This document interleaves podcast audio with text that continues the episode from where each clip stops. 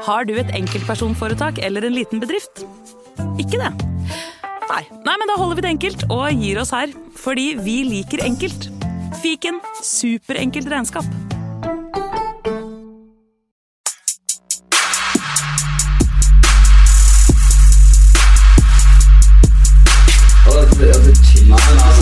Nei, karer, hysj, hysj, hysj, er faktisk sånn at det kanskje er noen som har lastet ned dette her. Sånn jeg oppfatter det. Altså. Nå må vi bli ferdig. La meg bare få spilt inn her, da. Velkommen til fotballuka!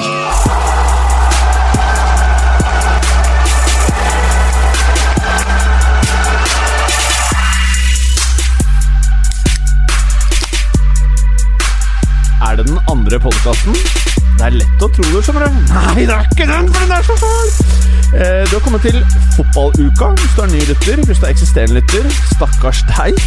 Eh, I dag skal vi prate om Bundesliga, La Liga, litt Serie A og selvfølgelig Premier League. Eh, og så, rett etter vi har spilt inn denne episoden, så skal vi spille inn spesial! Vi skal spille inn spesial. Gleder du deg til det, Gallosen? Ja! Gleder du deg til det, Preben? Det blir veldig gøy. Det blir faktisk ganske sjukt. Eh, Jeg gleder meg veldig. Jeg har jo ikke vært Eller jeg ble ikke bedt på denne turen deres. Så jeg sitter her hjemme i Norge, og jeg gleder meg egentlig for gjenfortalt, da. Eh, selv de mørkeste tingene av eh, det dere opplevde. Uh, Gallosen, Ja, velkommen til deg. Takk, Jim. Ja. Jeg ser at uh, du har ikke forbedra deg på T-skjortevalgene. Denne har vært ute en vinternatt før. Er ikke den ny? For at det ser ut som en L og en B i sånn tribal-skrift. Ja, eh, det ser sånn ut, for det er ganske heavy slitasje etter hvert. Ja. Men eh, det er da mm, logoen til universitetet i Long Beach, California. ja, selvfølgelig er det Long Beach. Ja, som i likhet med Bournemouth er en av mine hjembyer uh, i diverse somre på Ja. 2010-tallet. Men det som alltid slår meg litt eh, Du har jo åpne forhold, det har vi jo sett gang på gang hvordan det slår ut. Eh, du har mange hjembyer, det betyr mange havner. Eh, og allikevel så er det Preben som eh, reproduserer. Har ikke du noe reproduksjon? Eh, Kanskje jeg ikke har reproduksjonsevner? Jo, jo, jo, se på deg, mann. Kan jo aldri vite det for sikkert. Nei, Kanskje jeg burde ta og sjekke? Nei, det også. Men kanskje jeg rett og slett bør sjekke kvalitet og mengde på produksjonen internt. Ja. Men du vet at eh, sånn jeg har forstått det, jo mindre hår, hår man har på Jo mer viril er man. Ja, nettopp. Så, så jeg tror du har meget god produksjon ut fra den vinkelen jeg ser. Tenk produksjonsevnen til Berger. da. Og så, ja. Det tror jeg er hø høy produksjonsevne. Og med deg, Preben, så stemmer det jo. Ja da, det, det er jo bevist i den podkasten her, i hvert fall. Ja. Mm. Eh, og i spesialen vi skal spille inn etterpå, så vil jeg jo veldig gjerne høre om vi har fått reproduksjon eh, under eh, besøket deres. Ja, der var det Morten som var nærmest, men det skal vi snakke nærmere om etterpå. Eh, og Preben, du har jo denne Jeg tror folk allerede ja. har slått over nå til den andre podkasten. Uh, Nei, Spesialen. Spesialen Ja, spesialen. For den ligger vel ute nå, antagelig. Ja, den, den gjør det. det kan man jo anta. Så det kan hende at dette her er litt for mye teasing av det som kommer. Med mindre brannalarmen går, da. Og at vi ikke kommer tilbake i studio i kveld. Ja, det er sant. Men, men Preben, eh, ved flere, flere anledninger så har jeg lagt merke til eh, hettegenseren din, for jeg har sett den her tidligere. Ja, men det er fordi jeg har kjøpt flere. Åh! Jeg er jo sånn når jeg handler klær, så kjøper jeg en T-pack, og så har jeg, og så rullerer jeg. Samme farge? Samme, Ja, selvfølgelig. Hvor ja. Mange vil du si at du har av denne. Uh, nei, akkurat den her har jeg bare to av. Men jeg har, jeg har flere, altså, samme type I den fargen, altså. Oh, ja. Jeg har jo Jeg tror jeg har fire. Oh, ja. Så det var ikke så ille. Men uh, nei, det er de fargene da blått og grått skiller seg ikke ut.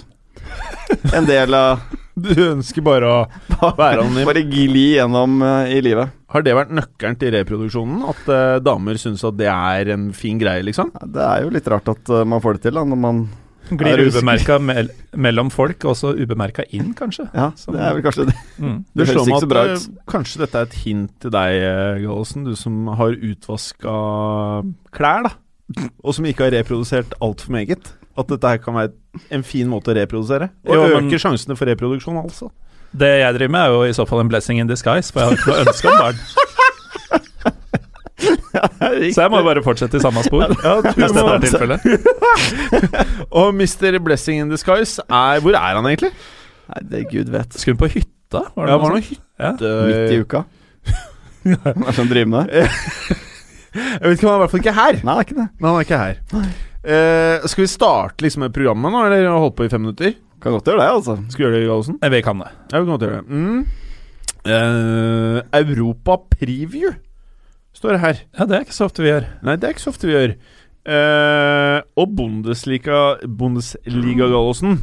Eh, den antatt nest beste klubben har jo blitt, eh, vil jeg si, most litt fra de to siste overgangsvinduene. Eh, så når Bayern møter Schalke nå, er det noe spenning her? Eller er det bare for at du skal vite buksene? Buksan? Den kampen eksisterer for at jeg skal vite Buksan. Ja. For det er jo klart at eh, med hjemmeseier her, som det jo blir, så vil eh, gapet mellom Bayern og Schalke, som nå ligger på femteplass De har hatt en eh, dårlig utvikling etter en fantastisk eh, høst. Eh, fantastisk hvis du da tar andre til 18.-plass eh, i betraktning og bare glemmer at Bayern fins, for ingen er fantastiske når de er der. Eh, men eh, Nei, det blir, det blir jo ikke spennende, men dette er jo en enorm kamp likevel. Og Schalke har jo tidvis vært en åpenbaring i år. Det ble likevel 3-0 til Bayern i motsatt oppgjør i Gelsenkirchen. Nå skal de spille hjemme. Det sier jo litt om styrkeforholdet, da. Schalke har jo da også gått inn i en ganske lei periode over ganske lang tid. De har nå bare to ligaseiere på to måneder. Eh, men Schalke, da selv med tap her og da noen og 20 poeng bak Bayern, vil jo fortsatt være med i kampen om sølv. Uh, og ikke minst Champions League-plasser. Og det De må jo bare på et eller annet vis ta seg sammen her. Uh, jeg tror de kommer til å klare en medaljeplass og kommer til å være tilbake i det gode selskap neste år. Men når det gjelder Bayern, da, så spilte de cup i Kan jeg bare avbryte et lite sekund? Ja. Nå som vi er inne på Schalke. For, for de som kanskje ikke ser altfor mye Bundesliga, Ja. hvem er liksom den hotteste spilleren på det laget? Uh, nei, det er jo vanskelig å komme unna Max Meyer, Ja. som er uh, en av deres mange hjemmeproduserte, hjemmeprodusert, uh, egenproduserte, heter det kanskje. Mhm. Eh, Leon Goretzka er jo dette ganske en ganske spesiell kamp for han. Ja, han eh, går jo til Bayern eh, gratis i juli. Har Ja. fått mye kjeft av Schalke-fansen. Uh, blitt bua på når laget hans har spilt hjemme, annet, eh, siden dette ble klart for Det har jo egentlig vært klart lenge, men det ble ordentlig klart eh, offisielt for eh, bare noen uker siden. Mm. Og siden har det ikke vært lett å være Leon. Men eh, han og Meyer er da to av de som utgjør den sentrale midtbanen, og eh, to av de absolutt beste til det i hele ligaen, faktisk. Blir en eh, Jeg tror han kommer til å gå rett inn på laget til Bayern neste Ja. sesong. Uh, Goretzka. Jeg tror han er tiltenkt en sentral rolle i laget der. Tror du han trykker til uh, alt i matchen her da, eller uh, tror du han er litt redd for å pisse off uh, Jopp? Han kommer til å trykke til. Jeg Ja. tror Jopp og tyske ledere generelt vil bli mer forbanna hvis, han han, det, ja, hvis han ikke gjør det. Mm. Uh, ellers så har de jo Før forrige sesong så leide de jo både Benjamin Stamboli og han eh, andre fra Tottenham. Mange fra Nabil Tottenham. Bentaleb. Bentaleb, ja. Eh, og de Der er han har der blitt, da. Ja, ja. De eh, har gjort det veldig bra der. Mm. Um, ellers så er det Det er ikke sånn veldig store navn for de som ikke følger ligaen. Det er en del, som det alltid vil være med Schalke, en del up and coming-folk som vil være verdt å følge med på. Eh, Leon Goretzka har jo de som følger med, visst om i noen år nå, men han kommer jo virkelig til å presentere seg for resten av verden neste sesong. Mm. Og Han Embolo var jo ettertraktet av mange som ville ha tak i den for uh, Hva er det nå? Var det i sommer, eller var det i sommeren før der igjen? Eh, sommeren før der igjen. Sommer, det er såpass, ja. Tiden Da, blir. ja, da Schalke fikk en, så var han uh, særdeles het på markedet. Og gikk vel egentlig til Schalke pga. deres eh, historikk med unge spillere. Ikke slått til som forventa, vært en del skader, men også slitt litt med å finne sin posisjon på laget. Mm. Hm. Ja ja. Så en liten walkover her, altså. Liten walkover. Siste Schalke-seier mot Bayern kom i desember 2010. Hmm. Eh, klarte riktignok 1-1 her på, um, på Allianz for ganske nøyaktig et år siden, så det er ikke umulig. Og Bayern har kanskje huet andre steder for tida også. Men eh, tror du Bayern stiller med sin antatt beste elver, eller tenker i CL nå? Eh, ja, nå har ikke de CL-kamp allerede til uka, de har vel uh, uka etter der igjen. Mhm. Eh, så jeg tipper at de eh, stiller så å si fullt lag. Thomas Müller er usikker. Han skada seg i eh, kvartfinalen mot eh, Paderborn på tirsdag, så han er usikker. Og da tipper jeg at han er ute av troppen bare for sikkerhets skyld. De Mhm. trenger rett og slett ikke å, ofre han. Eh, men ellers så tipper jeg at Bayern går ut med et særdeles sterkt lag og vinner dette ganske så greit. Ja. vi har jo vel tid til dette her. For at jeg satt og så på laget til Bayern, og det Bayern som jeg eh, så i eh, Champions League i fjor Jeg er ikke sikker på om eh, den elveren som var min antatt beste elver hvis jeg skulle valgt ut laget, er den beste elveren i dag. For et år siden? ja. Nei, Så- det kan du ha rett i. Ja, blant annet så har jo Kimmich på høyre. Mm. Men så føler jeg resten av forsvaret også har forandra seg litt. Hva vil du si er det beste forsvarsrekka der, Gallosen? Eh, hvis jeg skulle valgt den ut, så ville jeg nok ikke vært veldig kontroversiell. Jeg ja. ville kjørt uh, Kimmich og Alaba på bekkene, naturligvis, og så Hummels og uh, Boateng, tenker jeg, i Ja. midten. Men uh, både Niklas Sule og Havi Martinez er jo gode kandidater i midten der. Og resten av laget, hvordan har du satt opp det når vi først er inne på det? Det er litt gøy, da. Ja, eh, Det er jo denne treeren bak eh, Lewandowski som kanskje er mest spennende, da. Mm. For der har de jo alltid hatt uh, Ribberi, Müller, Robben. Nå er det ikke nødvendigvis sånn lenger. Eh, mye skadeproblemer på eh, de to eldste av dem. Uh, Müller som nevnt også antagelig ute nå i helga. Eh, Kingsley Coman var jo veldig god for to sesonger siden, og så hadde han en liten sånn Ja. uh, dupp forrige Ja. sesong. Han er virkelig tilbake nå. Han uh, ville jeg faktisk uh, satt inn eh, først, kanskje, Har han fortsatt dette, denne rottehalen som er med på løpene, eller? Han er ikke noe pen å se på. Nei. nei. Eh, Og så er jo Hames her, da. Ja. Og han har faktisk vært såpass bra hele sesongen, egentlig, at uh, han også er eh, Han ville også most inn på et vis. Ja. Uh, så kanskje, siden de har brukt høyre bein på venstre og omvendt i alle år, da, så ville jeg kanskje kjørt Kingsley Coman på venstre og Hames på høyre. Ja. Så fremt Müller skal spille. Eh, det skal han jo ikke i dette tilfellet, sannsynligvis. Nei. Ålreit. Eh, det ribba Dortmund-laget har jo nå fått inn Mishi Bashwai. Ja, det merka man umiddelbart. Ja. Eh, De hadde jo ikke vunnet på en stund og fikk en sårt tiltrengt opptur i eh, Köln sist, da Mishi Bashwai debuterte med brask og bram. Han var involvert i alle tre målene i 3-2-seieren, og hadde også ett eh, annullert. Han skåra to godkjente, fikk ett mål annullert, og hadde målgivende til uh, seiersmålet. Mm. Så han uh, presenterte seg virkelig, og han har jo vært i 100 på sosiale medier også. Det virker jo sånn etter én kamp, selvfølgelig tidlig å si, så virker det som de har fått en fullgod erstatter på banen, Mm. samt en fyr som sprer god stemning i stedet for dårlig. Mm. Um, så det ser jo veldig lovende ut for dem, og de trenger et eller annet nytt og friskt offensivt, for den Støger-fotballen de har stått for etter trenerbyttet, det har vært ganske dølle greier. Nå, eh, jeg føler at jeg er den eneste i denne redaksjonen her som faktisk eh, har pusha det at jeg, jeg, jeg syns det er litt rart, jeg. At eh, Barzwai ikke er i Chelsea nå. Eh, for at eh, når jeg ser på Chelsea-laget, og så har jeg jo sett Hazard spille ok i den der antatte spisserollen som han noen ganger har. Men uh, alternativet nå er uh, Giroud og en uh, Morata som uh, mye har spilt av to kamper på de siste ti rundene, eller én kamp, eller hva det er. Og de gangene hvor Barzwai har spilt, så har det jo av og til sett helt ok ut. Så med mindre det er noe personlig sånn Diego Costa-greie der, så føler jeg egentlig det er rart, jeg. At Tror- han er sendt ut på Det har mest med spillestilen til Conte. At han skal ha en sterk midtspiss som de kan spille opp på, som kan legge en til midtbanen, og så kommer ballen ut på vingene og slå inn i feltet igjen. At det er sånn hovedtrekkene i spillmønsteret. da. Mm. uh, og der har vel han funnet ut at Bacha ikke fungerer i den Er god nok da til å holde på ballen i, i preste situasjoner. Men eh, Han er jo sterk fysisk, men han er jo ikke den typen som eh, Han er jo mye mer interessert i å snu ræva til midtbanen og løpe i bakrom, Mm. eh, tross alt, og det får han jo da muligheten til i Dortmund. Så har han jo en fin rumpe òg. Ja, Så det er jo ikke gærent. Nei, ikke sant. Så det blir jo bare en fryd for, eh, for Dortmund-spillerne å prøve å sikte på han. Det er bare å altså, han passer jo bedre i Dortmund-spillestilen enn i, i Chelsea. mm. Det er ikke noe tvil om det.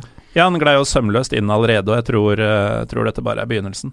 Ja. Det er også litt eh, Jeg har sett en del Chelsea-supportere som sier at eh, hvis han får for god tid til å tenke, det er da det går gærent. Ja. Og det gjør det jo ofte i den spillestilen til Conte. Da må du jo vurdere å, se han mye.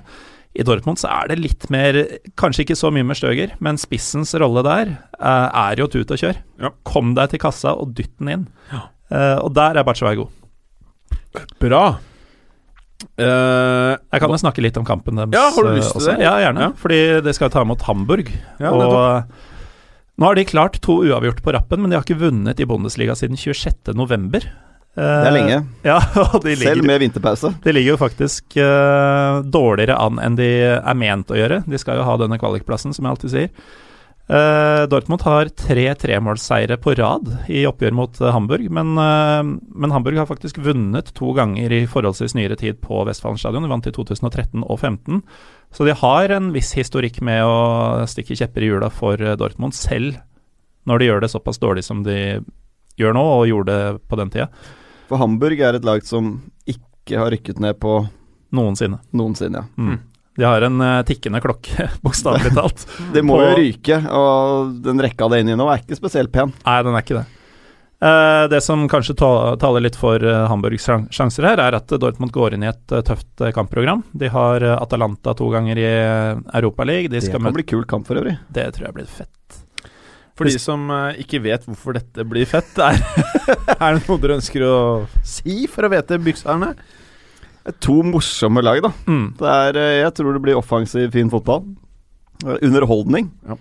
Ja, og to lag som, eh, som kanskje er bedre på å prøve sin egen greie enn å vente ut uh, motstanderen. Atalanta kanskje litt uh, mer Litt sånn som Arsenal, eller? For de som kjenner Arsenal? Ja, kunne nesten satt inn Arsenal for ett av disse lagene, så hadde du fått Atalanta da, da, da kunne du sett for deg hvordan vi ser for oss denne kampen. Ja.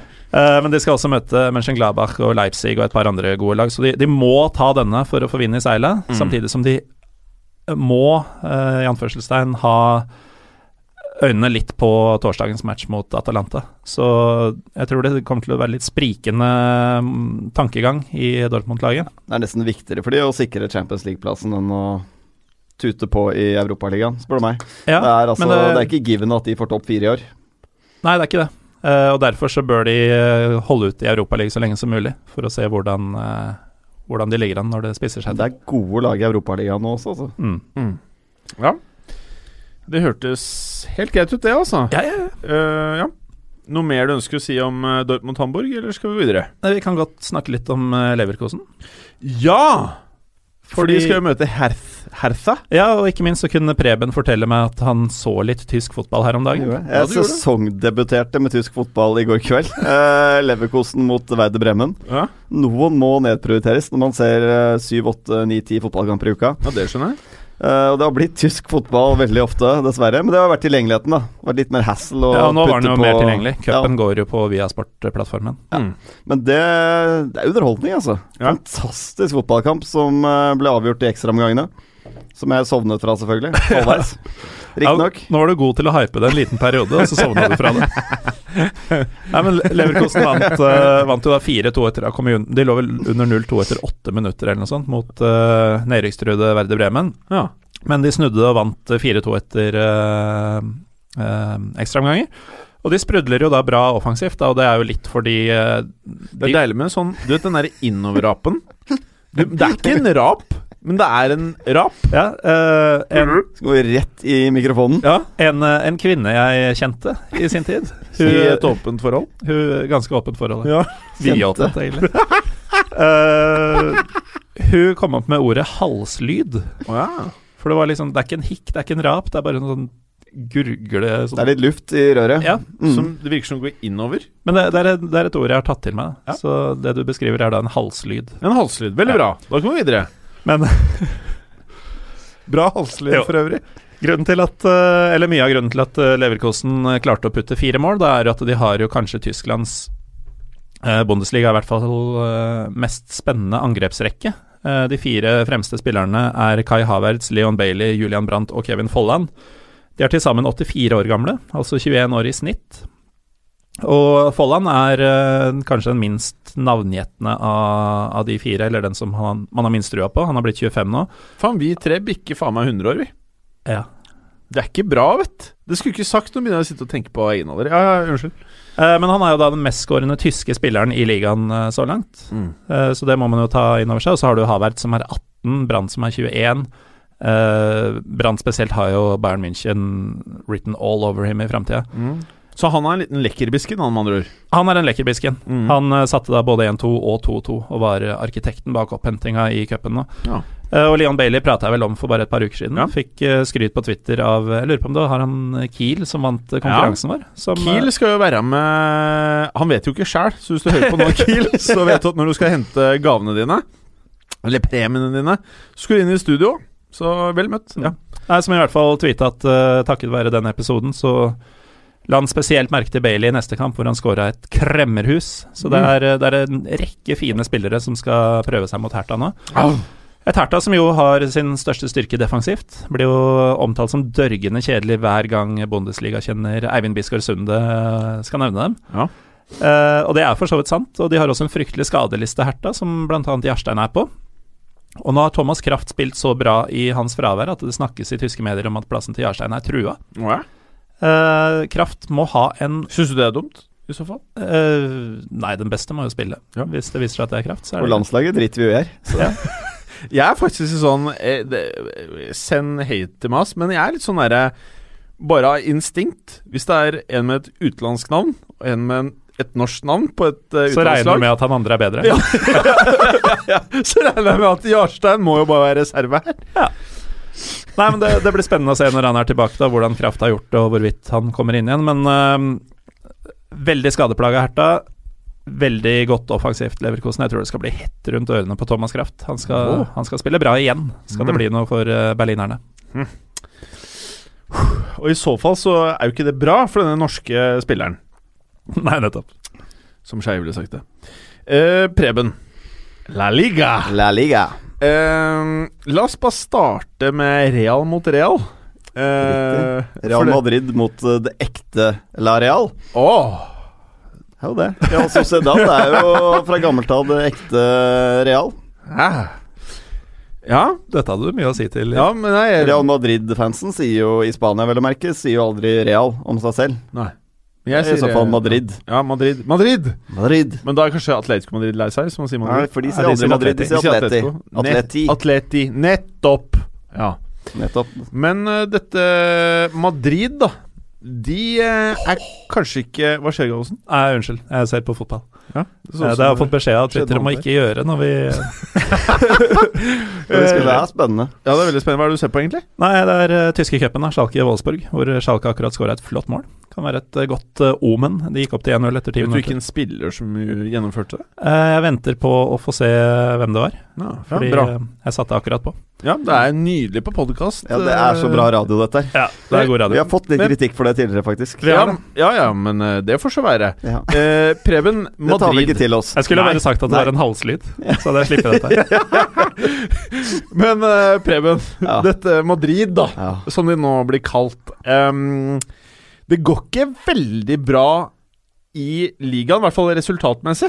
Nei, det svinger jo voldsomt. Det er jo 7-1 mot Deportivo, det er 4-1-seier mot Valencia. Sterke resultater. Og så får de disse kløneresultatene innimellom.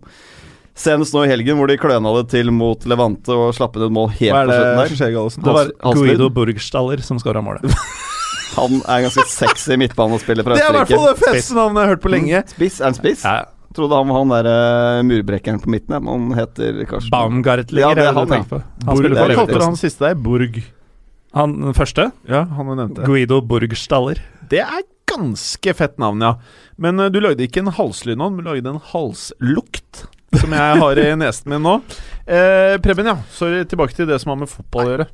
Madrid har dårlig tid på seg nå. Det er eh, Paris Saint-Germain til uka. Eh, det er jo ingenting som tyder på at de er eh, på rett spor i det hele tatt. Det er, jo, det er jo ingen som klarer å finne ut helt. Altså Zidane aner hva som er gærent med dette laget. Spillerne selv, alle såkalte Ka- ka- fotballeksperter så, så dere intervjuet med Jopp Heinkes? Jeg må bare stole på at Nei. oversettelsen da faktisk Det stoler vi på. Da. Ja. Eh, Jopp eh, mente at det var veldig naturlig, den dippen Real har nå. Eh, etter alt de har vunnet og alt det greiene her. Og så sa han at eh, eh, Og det har vi vært innom litt tidligere, at med Real så får du noen ganger disse dippene. Og nå kan det skyldes at de har vunnet mye, men han mente at det ikke hadde så mye med Zidane å gjøre. Han mente at det ikke nødvendigvis var uro i troppen, eller at det var misfornøyde spillere. Men at dette her er bare en sesong med å komme seg gjennom. Men han var fast på det at Real kommer til å slå ut PSG.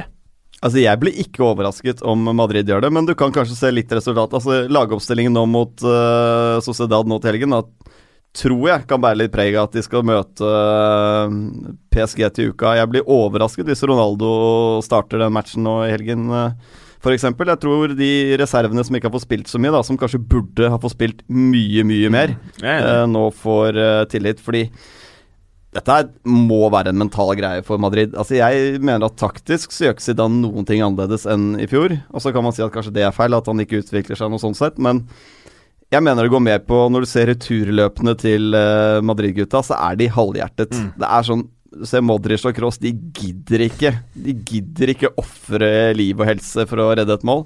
Det er eh, Nei, det er det samme med Ramos også, i og for seg, altså. Og stakkars Nacho, som kanskje har vært den beste forsvarsspilleren der, får jo ikke spille når Varan og Ramos er klare. Samme med Ascensio, ser jo at BBC er crap, får ikke tillit. Det Er litt uh, fare for Madrid dette her, at kanskje Ascensio ikke gidder dette her mer. At Mm. han eh, forsvinner til sommeren. Hvem vet. Mm. Men uh, jeg tror kun det er mental greie. Ja.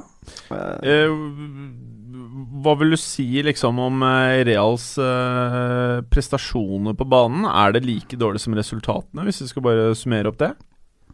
Eh, Det er bare dette at det går på 90 mm. Det er ikke den derre spruten at eh, de vil ikke vinne hver duell for enhver pris. De vil ikke ta det kjipe returløpet. Du ser Marcelo og Carvajal Men- også jogge hjem når de får Men føler du at spillerne eh, enkeltvis er dårligere fremover på banen, eller er det mer liksom Det er en kombinasjon av mye ting. da I fjor så hadde Madrid veldig mye marginer med seg. Det må vi faktisk huske på. At de skåret mye på slutten av kampene. De fikk ofte tidlig mål, som de da egentlig avgjør kampene. Motstanderne kom til Bernabeu og visste at her taper vi uansett. Ja. Nå har eh, motstanderen en helt annen innstilling. De tenker de kommer på banen tenker at denne her, her kan vi faktisk vinne. Eh, og nå ser vi at uh, spesielt Ronaldo, Benzema og Bale for så vidt, de brenner mye mer sjanser enn det de gjorde i fjor. Hadde de på en måte satt de samme sjansene som de hadde i fjor, da, så, så hadde de fått en tidlig 1-0-2-0. For Madrid har ofte vært veldig god i første omgang i år. Mm. Det er jo annen omgang det stort sett har rakna. Så det er veldig små marginer her uh, for at dette kunne vært en helt uh, Altså en ny, god Madrid-sesong, da. mm. Men nå hadde de mye stang inn i fjor, veldig mye stang ut uh, i år. Mm. Men jeg tror fortsatt at det blir jevnt mot PSG. Jeg Ja. gir ikke den seieren her til PSG, jeg, altså. Men Ja, det ville vært galskap. Ja, det er, plutselig får du Madrid på alle sylindere, og da Ja, jeg, jeg tror Ja. Real uh, havner i finalen, jeg. Så gjerne er Jeg jeg. blir ikke overrasket over det heller. Man er litt husker jo perioder fra tidligere, altså da Redondo, Raúl og sånn var i klubben, så var det jo også sånn mellomsesonger for Madrid. Det var jo når Valencia og Deportivo herja. Ja, husker jeg United trekker dem i kvartfinalen f.eks. og tenker at å, nå så kommer de og bare Det der Ronaldo hat tricket på Old Trafford og sånt nå, ut fra ingenting. De lå sikkert på sjetteplass i ligaen eller noe sånt da, og de var ingenting. Og så Old kommer Trafford klappet eh, på Ronaldo. Ja. Mm. Gamle Ronaldo, da, vil Ja, jeg ja, merke, ja. for Ja, eh, Flodde. yngre ja befolkningen han, han tjukke. Ja. Han tjukke. Ikke han Ta så Nei, det kan jo være akkurat det Altså, Real Madrid trenger, da. Hvis hvis du er en liten kid og sitter og hører på dette her nå, ta så gå inn på YouTube, og så skriver Ronaldo highlights, uh, whatever. Bare se på For til dags dato så finner jeg ingen offensive spillere som gjør det han gjorde innenfor 16-meteren. Altså, han dribla og dro av folk på en helt, annen måte enn jeg har sett eh, Selv Messi Ronaldo, det, det er en annen greie, rett og slett. To som jeg syns har vært fryktelig gode på det i nyere tid, er eh, på sitt beste, vel å merke, er Aguero og Suárez. Eh, Når de begynner å drible der inne og tilsynelatende blir takla, men ballen blir med likevel. Eh, Men han, han gjorde det mye mer elegant, da. Ja, og Og, og de var dro aldri han av folk. ja. Han hadde jo alt, da. Han hadde Ja. jo fart, han hadde fysikk. Eh, fantastisk avslutter. Og han hadde mage på slutten. Eh, ja, Han hadde sveis i perioder. Ja, Ja. den sveisen var det 98-VM. ja 2002. 2002 var det. Liten sånn halvlang dott. Det er jo den sjukeste sveisen Sånn Ja. pan, Altså, pannelugg-dott oppå et skalla hue. Barbere det der med vilje, det er jo Ja, det var Må ha vært et eh, veddemål. Ja, ja, ja. Eh, ja, videre til oppgjøret her. Nei, jeg tror, eh, jeg tror faktisk Madrid vinner den her, ja, når de setter inn på litt nye spillere. Ja. Får Vasquez inn, du får Ascenso inn, Kovacic kanskje. Du skal ikke glemme at uh, Vasques var bra i fjor. Veldig bra. Han har vært bra de gangene han har fått sjansen i åra. mm. Så han er også en annen spiller som jeg tenker når du sitter der og ser de andre være ræva hver eneste uke, og du får likevel ikke spille. Mm. Så, men jeg tror faktisk de drar i land den her. Eh, nå har jo Sociedad vært helt crap. De har jo skuffet kanskje det laget som har skuffet meg mest i La Liga i år. Eh, et lag jeg faktisk trodde skulle kjempe med Sevilla om eh, Champions League. Starta bra, da, og så har det vært fryktelig. Men de fikk jo en uh, viktig og sterk seier sist, mot Ja. uh, Deportivo, var det vel? Det gjorde de. Mm. Nå har Deportivo vært uh, Enda verre. Det er noen lag i La Liga nå som er veldig dårlig. Mm. Og Det er lenge siden det har vært båndnivået har vært så lavt i La Liga som det er akkurat denne sesongen her. Er det noen spesiell grunn til det, tenker du, eller er det bare Det er sånn det har blitt Nei, jeg, jeg vet faktisk ikke. Er, eh, jeg klarer ikke å se noe sånn Burde ikke være noe god grunn til det. De har fått mer penger eh, å rutte med. Um, nei, det er eh, De lagene som ligger i bånn der, er rett og slett bedrøvelige. Sånn som Malaga, Las Palmas Las Palmas var jo tidvis kule å se på i fjor. Mm. Så mista de Rocky Mesa, selvfølgelig. Og da gikk det jo Da det skogen. mørkt. Da ble det mørkt. Da er han tilbake i Sevilla, da, heldigvis. Ja. Nei, det er, eh, det er dårlig bunnivå, så det, jeg, jeg tror at uh, Madrid tar den her. eh, Barcelona, cruisekontroll mot eh, Hetaffe. Det tror jeg absolutt det blir. De spilte jo nå lokalderby mot Español i helgen. 1-1-kamp der hvor de eh, reddet et poeng på slutten i en vannpolomatch. Det er vanskelig å trekke den ut av det. Messi startet på benken. Eh, de har i hvert fall fått eh, altså, altså spilt 22 kamper nå, da, uten tap i, siden serieåpningen. Og det er ny rekord for Barca. Slo Pep sin gamle rekord der. Så det går jo på skinner for uh, Valverde og Barca om dagen. De, de ser gode ut, altså. De gjør det. Og klart Når den matchen er mot uh, Spanjol, så er det, det er så overvann på banen. Det er alt det som Barca ikke liker. Hva, hva er status på han eh, Dembélé? Status på han er Mhm. at han uh, er uh, spilleklar, mm. tror jeg. Men jeg tror ikke han er en startelver nå, sånn som det er nå. De- spiller jo mer 4-4-2 nå, Barca, enn de startet sesongen med 4-3-3. Det er mer 1-4-4-2 de kjører nå. Øyner man at uh, Dembélé kanskje er en uh, liten sånn uh, Sjigrinskij-trade, eller? Det er vanskelig å si noe annet enn at dette her ser ut som en uh, gedigen eh, flopp i forhold til prislappen. da. Hadde de kjøpt han for uh, 30 mil, så hadde det for så vidt vært greit. Men, Men han har vel uansett levert lite uh, tellende resultat når han har vært på banen? ja, han har vært uh, veldig dårlig når han har vært utpå der. Det har vært sånn små glimt av hva han kan, men for så mye penger så forventer du en god del mer. Eh, Coutinho har heller ikke vært noen sånn åpenbaring i de to-tre kampene han har spilt det- nå, men Coutinho kommer til å bli Ja, ja. veldig, veldig bra. Ja, Det er ikke noe tvil om. Dembélé er jo veldig sånn skal jeg si litt sånn endimensjonal spiller, da. For jeg- Uh, det- Stå han stol på farta. Eh, intuisjonen her er vel at eh, ha, ha, Ja, teknikk og da. Det er greit. Og tofothet. eh, Ja, jeg skal gi det litt og- mer, da. Men, og Dembélé, for all del, han kan bli en uh, fantastisk spiller, han altså. Men den første sesongen her har uh, gått litt skeis. altså, jeg syns jo Dembélé var, var så lovende, det jeg har sett av han tidligere, at uh, når det sto mellom Mbappen og Dembélé til eh, Real, så var jeg faktisk ikke helt sikker på hvem jeg helst ville ha. Så jeg syns han er et fantastisk talent, men uh, Så har han vært uheldig, da. Med skade første uka. Men jeg tror, sånn som eh, spesielt Real, men også eh, Barcelona har en tendens til å gjøre, de kan ødelegge spillere. Eh, og jeg tror hadde Barcelona hatt den sesongen Real Madrid har, så tror jeg at det har vært mye mer fokus på Dembélé som et bomkjøp enn Nå prater man nesten ikke om det, ikke sant? Nei, man gjør ikke det. Og nå, siden nå er det jo går så bra uansett. å kjøpe nyheten. Eh, Spiller ingen rolle sånn sett. Og, men det er klart det er vanskelig at du kommer med for den prislappen. Du kommer til, eh, som du sier, Real Madrid, Barcelona, kanskje de to vanskeligste klubbene å komme inn med den prislappen i. De forventningene som blir skrudd. mm. Eh, helt urealistiske forventninger egentlig til en eh, Hvor gammel er han? 20-21? Han kan ikke være så mye mer enn 22, kanskje? Han hadde bare to sesonger på toppnivå, eller som proffspiller, bak seg. Ja. Kom vel fra fransk femtenivå eller noe sånt til renn for tre år siden. Nydelig. Så, Nydelig. så han flopper jo selvfølgelig denne sesongen, men på sikt så kan dette vise seg å være en veldig god signering av Barca, absolutt. Liten parallell til moderne media. Kommer fra eh, Stua til hjem. Stua. Stua. Uh, ok. Nei, jeg tror eh, de vinner den her eh, fryktelig greit, altså. Rett og slett. At de ruller over Hetaffe hjemme. Og Hva med laget som egentlig alle ønsker eh, vel i år, Valencia? Er uh, piffen litt ute av katta her, eller? tapt eh, seks av siste ni i La Liga. Uh, tapt tre på rad i La Liga. Tapt Men fem fem totalt. er du enig at når alt gikk på skinner med Valencia, så var det sånn Det var deilig å sitte og prate om det, men du visste det var snakk om uh, kun tid før den ballongen bare De sa det jo, de har eh, 12-13 spillere som er bra. Eh, bak de så er det ikke så fryktelig mye å hente, og det blir jo rovdrift på den eh, ja, ja. de har. Og nå har de vært i en periode hvor de har spilt eh, eh, Copa del Rey, da, cupen, hver midtuke siden eh, januar. Altså hele januar. Eh, Og det tærer på en så tynn stall som det de har. Så de ser rett og slett utslitt ut. Eh, og nå har de igjen Barca nå i midtsuken nå, før denne her. eh, hvor de må gi det et go, for det er såpass langt ut i Ja, turneringen nå. Det er bare ett mål å ta inn. Ja. Det kan gå utover kampen mot eh, Levante her, som er eh, Valencia-derby, selvfølgelig. Og, men det er kanskje det de trenger, da, et derby for å få opp energinivået igjen. Men det er et eller annet med Valencia som Det er veldig få lag i verden jeg ønsker mer vel enn Valencia.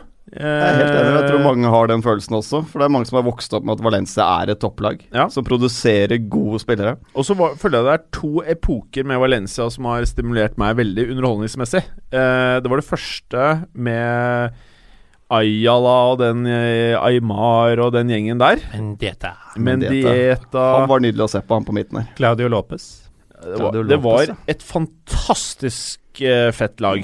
Eh, og da var det jo sånn at eh, alle toppklubbene i verden skulle ønske de bare hadde det laget. Det var jo Ja, ja. sånn Det var skrudd sammen som et fantastisk både bakover og forover på banen. Og så hadde du Når det begynte å gå dårligere økonomisk, så hadde du den perioden med David Villa, David Silva, Banega, Mata, den gjengen der. Eh, og det er jo de minnene man sitter igjen med. Og så har de fete drakter, fet logo, som betyr eh, mye for noen.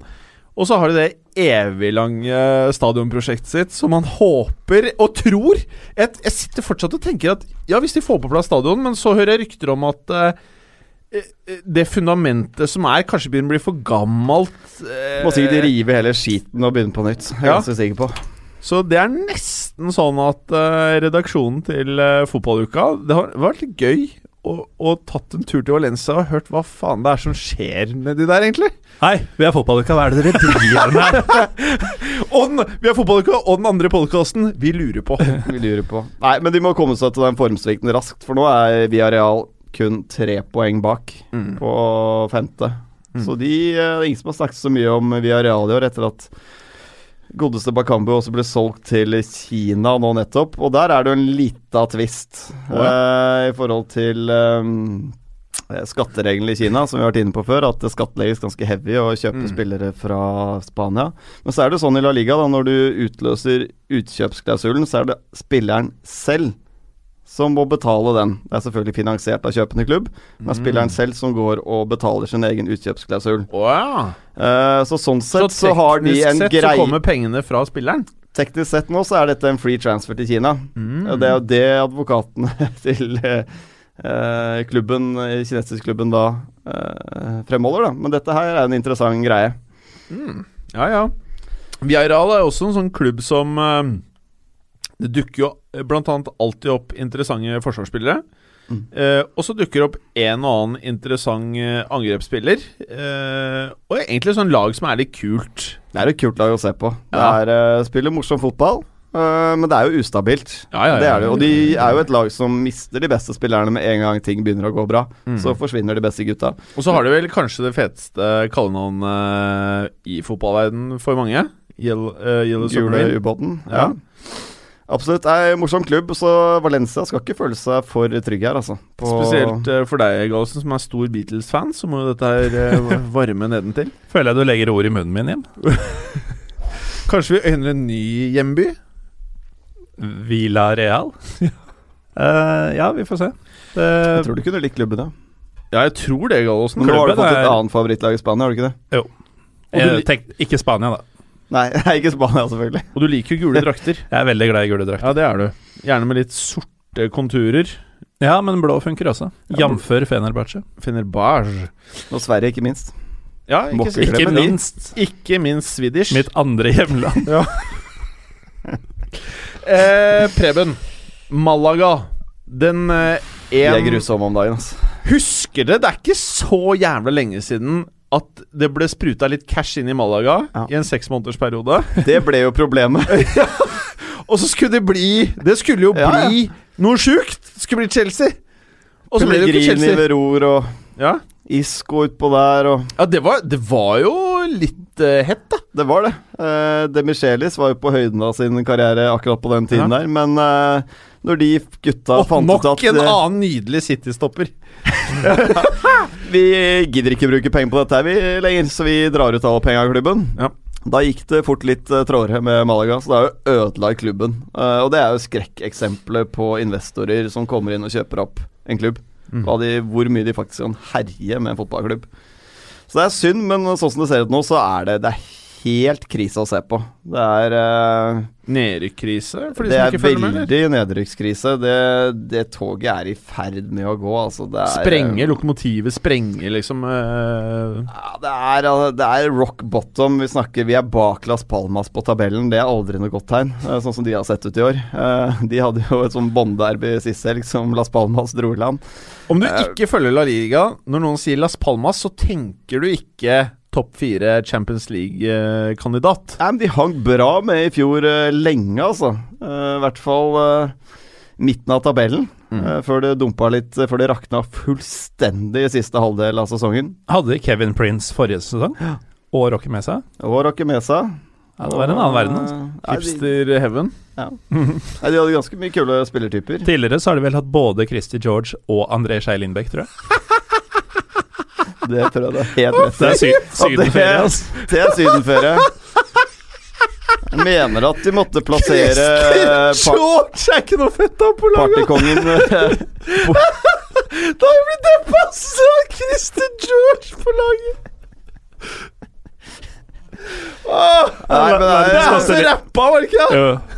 Verdens beste liga. det er der du drar for å legge opp, tenker jeg altså. eh, til Las Palmas. Nei, men Det ser mørkt ut for Malaga. Dette her blir jo walkover for Atletico Madrid når de eh, drar til feriebyen der, altså. Las Palmas føler nesten som eh, sånn tyrkisk superliga-enklave i La Liga. Et sted hvor spillere bare kommer for å dø. Ja, ja, det er sånn Ja, ja. Nå kan jeg i hvert fall bo på Kanariøyene. da. Det er digg. Ja, Det er litt sånn, det. Samme som Antalya. Ja. Så, så dere en fotballspiller som mista en del tenner for litt siden? Godin. Det var fin rett høyre. Altså, hvis Har du sett det, Gallosen? Ja. Eh, eh, altså, for de som kritiserer folk for å se på MMA Det er verre enn noe jeg noen gang har sett i et sånn oktagon. Ja, stygt. Eh, det, det var jævlig, altså. Det er stygge saker. Han eh, spiller ikke den matchen her, Nei. kan vi jo si.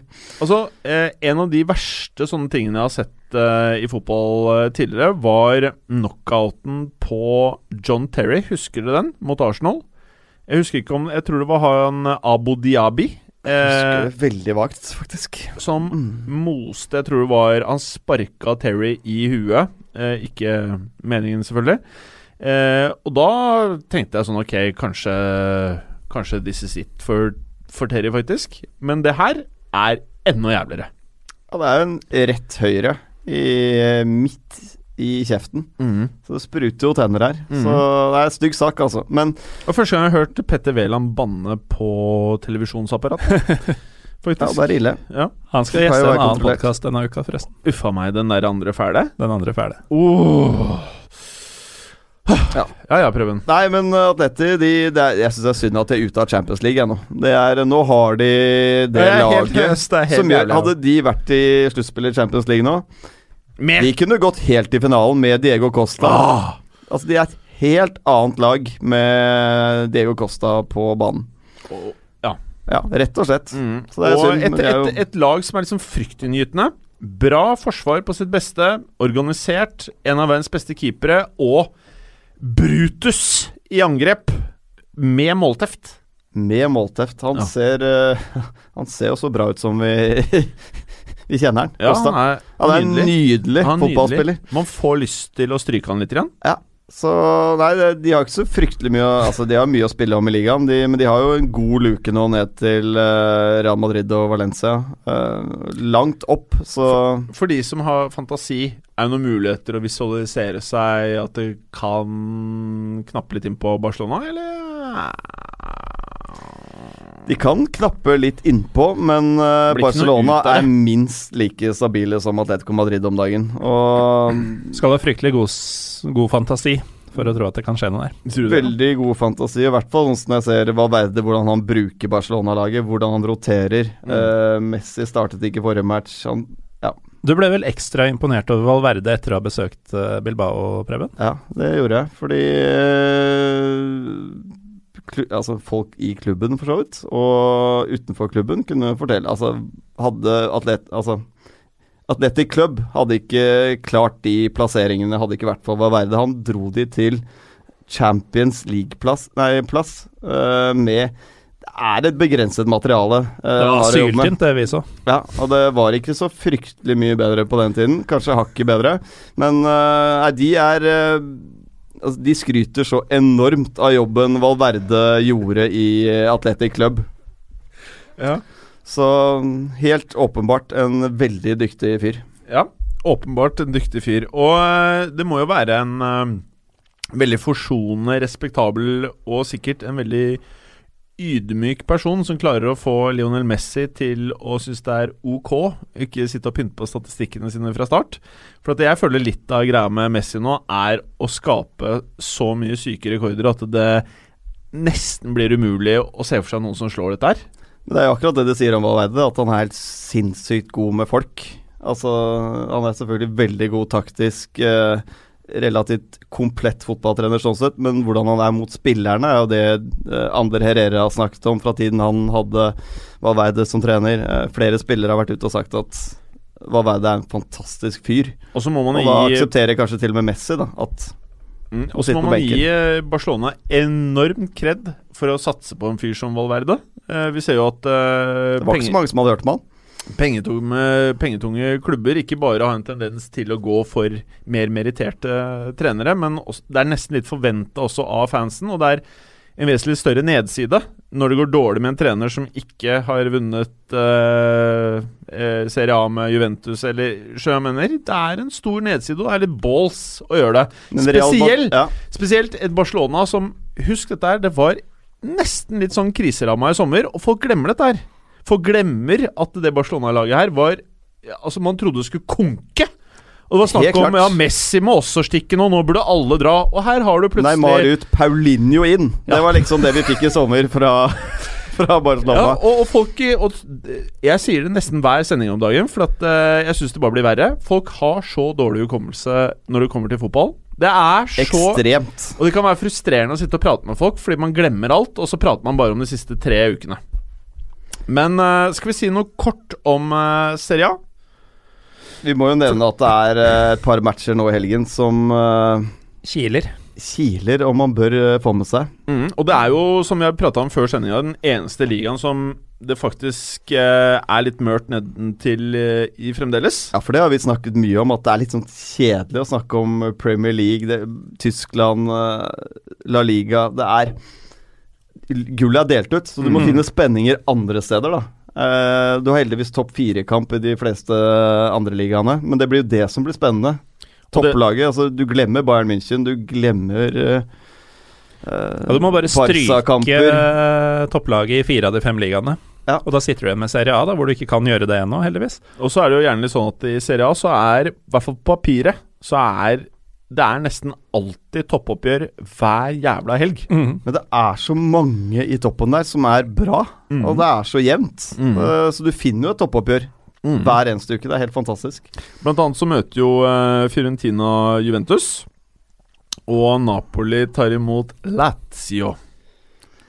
Ja, Vi kan jo begynne med Fiorentina Juventus, som går på fredag. Det er jo Nå ligger jo ikke Fiorentina oppe i toppen, som var noe av det vi prøvde å hype. De ligger ganske nøyaktig midt på, på ellevteplass, og har vel eh, De ble jo ganske ribba i sommer. eh, hadde egentlig et ganske bra lag. Mista så å si alt av eh, stjerner. Klarte å beholde Kiesa. Og henta inn et par eh, andre unge spillere. Det er jo det store sønnelaget med sønnene til Kiesa og Simione. eh, og så har de også sønnen til Haji på utlån eh, til rumensk liga. Eh, men det er jo en kul klubb. eh, veldig mye spennende historie der. eh, bra kultur. fantastisk by, sies det. Og de hater Juventus. De hater Juventus nå så inn i helvete. Og nå kommer Juventus, og det er det er den store, store kvelden i året i Firenze når Juventus kommer på besøk. Og nå skjer dette på en fredagskveld med flomlys og jeg holdt på å si sangria, ikke akkurat det. Men det blir vel en del grappa både før og etter matchen, tenker jeg, for, for florentinerne, som det heter. Ja, de kan jo håpe at uh, Juventus faktisk sparer noen spillere her, med tanke på Champions League. Nå har jo Mm. Serie A vært veldig snille med Juventus sitt i fredagskamp før Champions League. Der syns jeg Serie A er ekstremt flinke, uh, kontra mange andre ligaer. Men uh, det kan jo hende de møter et litt redusert eh, Juventus. Ja, og Fiorentina spillere så vel som fans, uh, de kan ikke klatre noe sånn voldsomt på tabellen. Altså om de blir nummer 11 eller 8 til slutt, det har ganske lite å si. Men for dem så er det ingenting som vil smake bedre enn å gi Napoli en hjelpende hånd i kampen mot uh, Juventus. Så det Fiorentina-laget, det kommer til å være enormt tent. Mm. Og det er ikke lett for noen fortsatt å komme til Artemi Artemio Franchi. Så kan vi jo nevne at Matuidi er ute en eh, måned eller mer.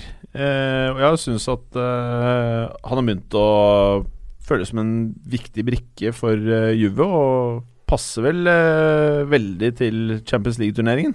Helt klart. Eh, viktig Mye brikke for dem. og Ja, for sentralt på midten er det Ja, de har jo gode spillere, det er ikke det, altså, men det er ikke flust av gode akkurat der, syns jeg, Juventus-laget. Og så er det noe med Matuidi i Du vet, de derre cupkampene Hvor du vet Ta det blir dype- tett og jevnt. Ja.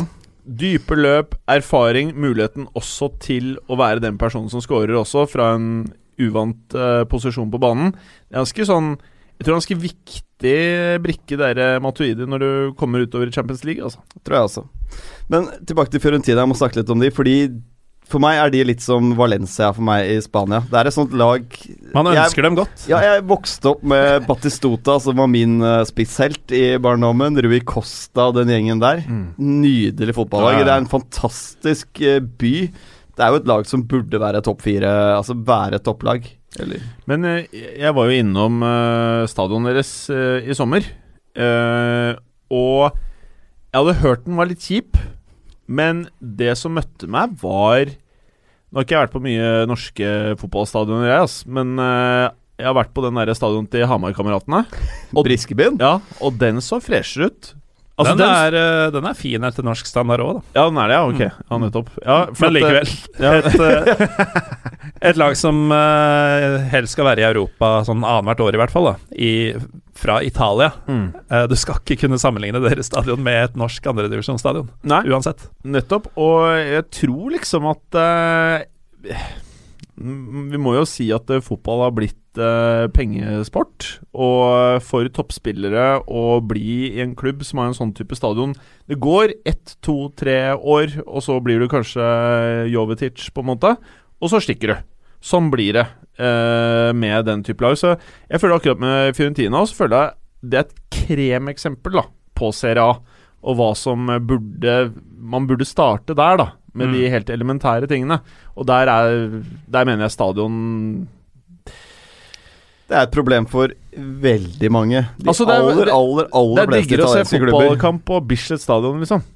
Ja, det er gammelt, Det er ikke noe ålreit. og de eier det ikke selv. Det, er, det blir ikke noe inntekter av de greiene her heller. Nei. Men Fiorentina er litt sånn eh, Du sammenligna med Valencia, Preben. Og eh, som du var inne på i stad, Jim.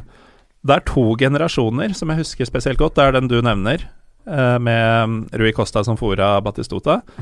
Og så var det en del år seinere, hvor de hadde Vargas fra Peru, var det vel, på venstre, på venstre side. eh, som la inn til en meget ung Stefan Jovetic, som så ut som eh, verdens mest lovende spiss på den tida. Eh, de slo Liverpool eh, i en tror det var Champions League-kamp, til og med. Mm. Hvor eh, disse var ganske sånn nye i alles øyne, og de så ut som world beaters, begge to. Eh, det blei jo ikke helt sånn, men eh, Mye skader da på mm. Mm. sistnevnte der.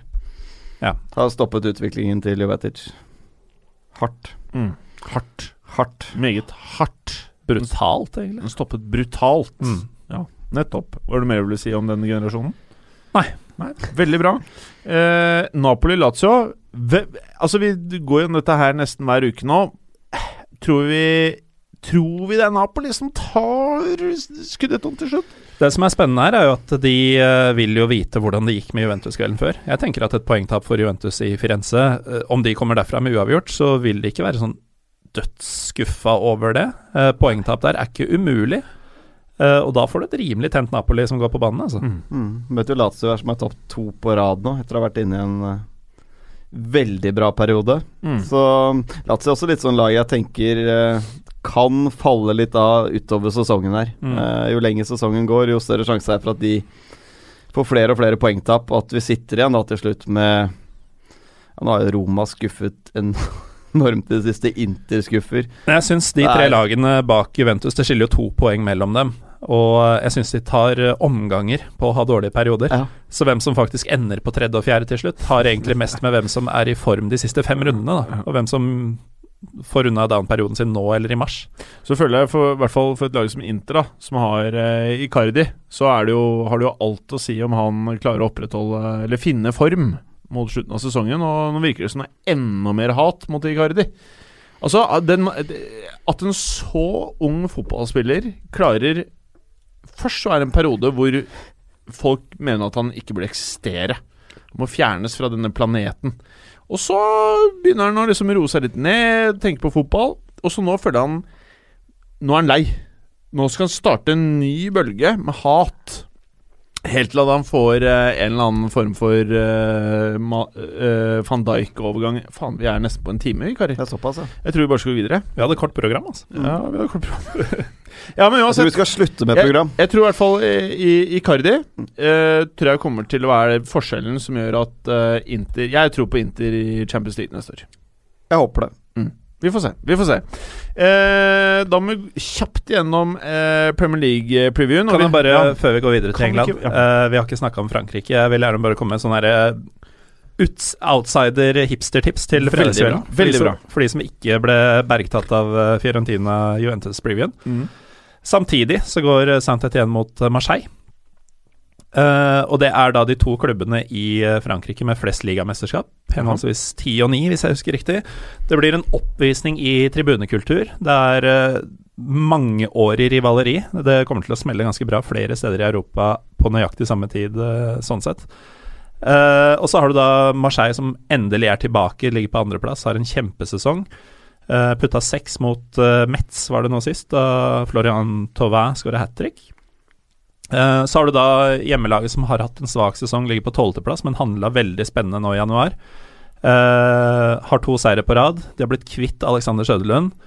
Uh, og de har oppnåelig vei fram til europacupplass. Har de hatt Alexander Søderlund? Ja, men han er borte nå, så nå, nå kan Han uh, er hjemme. Nå kan Saint-Étienne-fansen sove trygt om nettene igjen, og ikke ha mareritt. Men Tauvin, det er jo De fleste fotball De som ser fotball, husker jo perioden i Newcastle. Ja. Altså, det er det man De aller fleste som mainstream fotballfolk, som meg selv, som ikke ser så mye liga, Mm. det er det jeg husker han for å tenke Kan han faktisk levere? Det er helt levere? utrolig. Uh, han eh, ble jo kjøpt til Newcastle fordi han leverte mer eller mindre på det nivået han har gjort nå. Uh, falt gjennom der. Kan ha vært Newcastle sin skyld. Jeg tror ikke det er lett i Newcastle, altså. Det Kommer ikke. tilbake som vrakgods, og så er han Han er bedre enn noensinne nå. Ja. Betyr det noe særlig, egentlig? Ja, det er en fyr som fort kan kjempe om en plass i VM-troppen. Mm.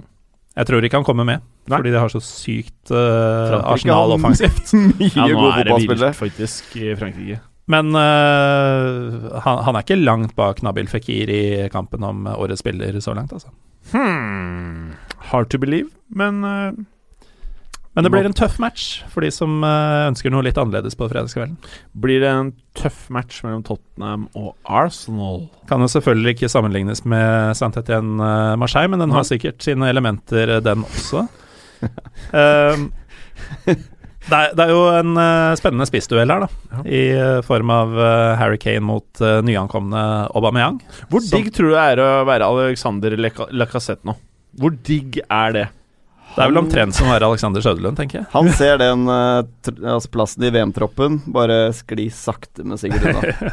Jeg mener et, er- et, et lag som Arsenal At de akkurat har kjøpt en spiller som Lacassette, og at det føles litt ut som at han ikke er en starter. Er potensielt årets flopp, altså sånn sett. Hvis du Ja, ser men på han er en god spiller. Men han har et- ikke levert. Han er det ett mål på siste elleve kamper. Han åpna helt greit. Jeg syns ikke Lacassette har vært veldig god. Eller to mål mindre enn han fæle Morata. Ja ja, men har ikke han skåret så mye heller. Nei, så jeg vil si at eh, det, det, Altså, han kosta Ja, nesten dobbelt så mye som eh, Eller Morata kosta nesten dobbelt så mye som uh, Lacassette. Hvis jeg er enig i at uh, Ja, det, gjort, jeg- jeg- det gjøres mye rare spisskjøp generelt. Jeg syns Lacassette er en veldig god fotballspiller. Så jeg syns bare at uh, en klubb som Arsenal må kunne planlegge bedre enn å kunne ha uh, 45 eller 50 euro på benken. Helt enig. Det er helt sjukt, spør du meg, hvis, hvis det her er sånn de siste 10-11 rundene av Premier League kommer til å se ut. Og det er jo um, litt interessant uh, angående det, fordi jeg er jo vokst opp med at Arsenal er, og det er jo dere også, desidert storebror av disse to. Når de møttes, så var det en, uh, en happening de få gangene Tottenham slo Arsenal. Eh, det var liksom klasseforskjell. Det var det ene laget som utfordret om gullet, og så var det andre som håpa å bli nummer fem.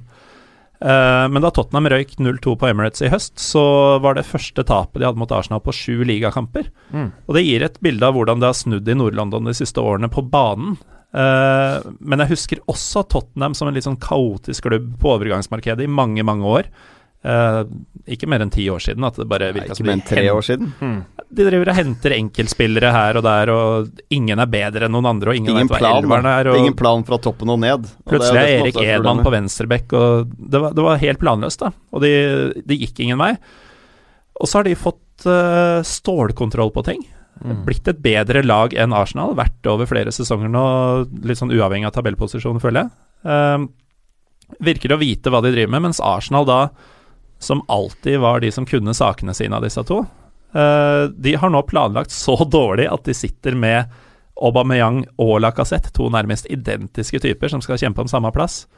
Og de koster over en milliard til sammen. Samtidig så har de ingen som kan prege den sentrale midtbanen. Og det er en klubb som ikke bruker spesielt mye penger sammenligna med Ja. veldig mange andre klubber. Så er det kontrakter, da. At de ikke har forlenget kontrakter tidligere. Ikke har klart å få noen forlengelse på det. At de på en måte har sittet der og ja, hatt veldig stor del av spillerstallen da, på to år og under igjen på kontrakten. Så Og, og eh, Tottenham fremstår jo eh, simultant som at Arsenal ikke uh, føles å vite helt hva de driver med. Så føles Tottenham som kanskje den klubben i England som har mest orden i Virker sysakene. gjennomtenkt. eh, nå er dette veldig nylig, da. For vi skal som sagt ikke mer enn eh, før Pochettinos tid, hvor ting ikke var gjennomtenkt i det hele tatt. Med Pochettino så virker det som det er helt plan på hvilke spillertyper man henter. Og Det har vi snakket mye om her, at man Det er ikke snakk om at man skal bruke to milliarder et vindu.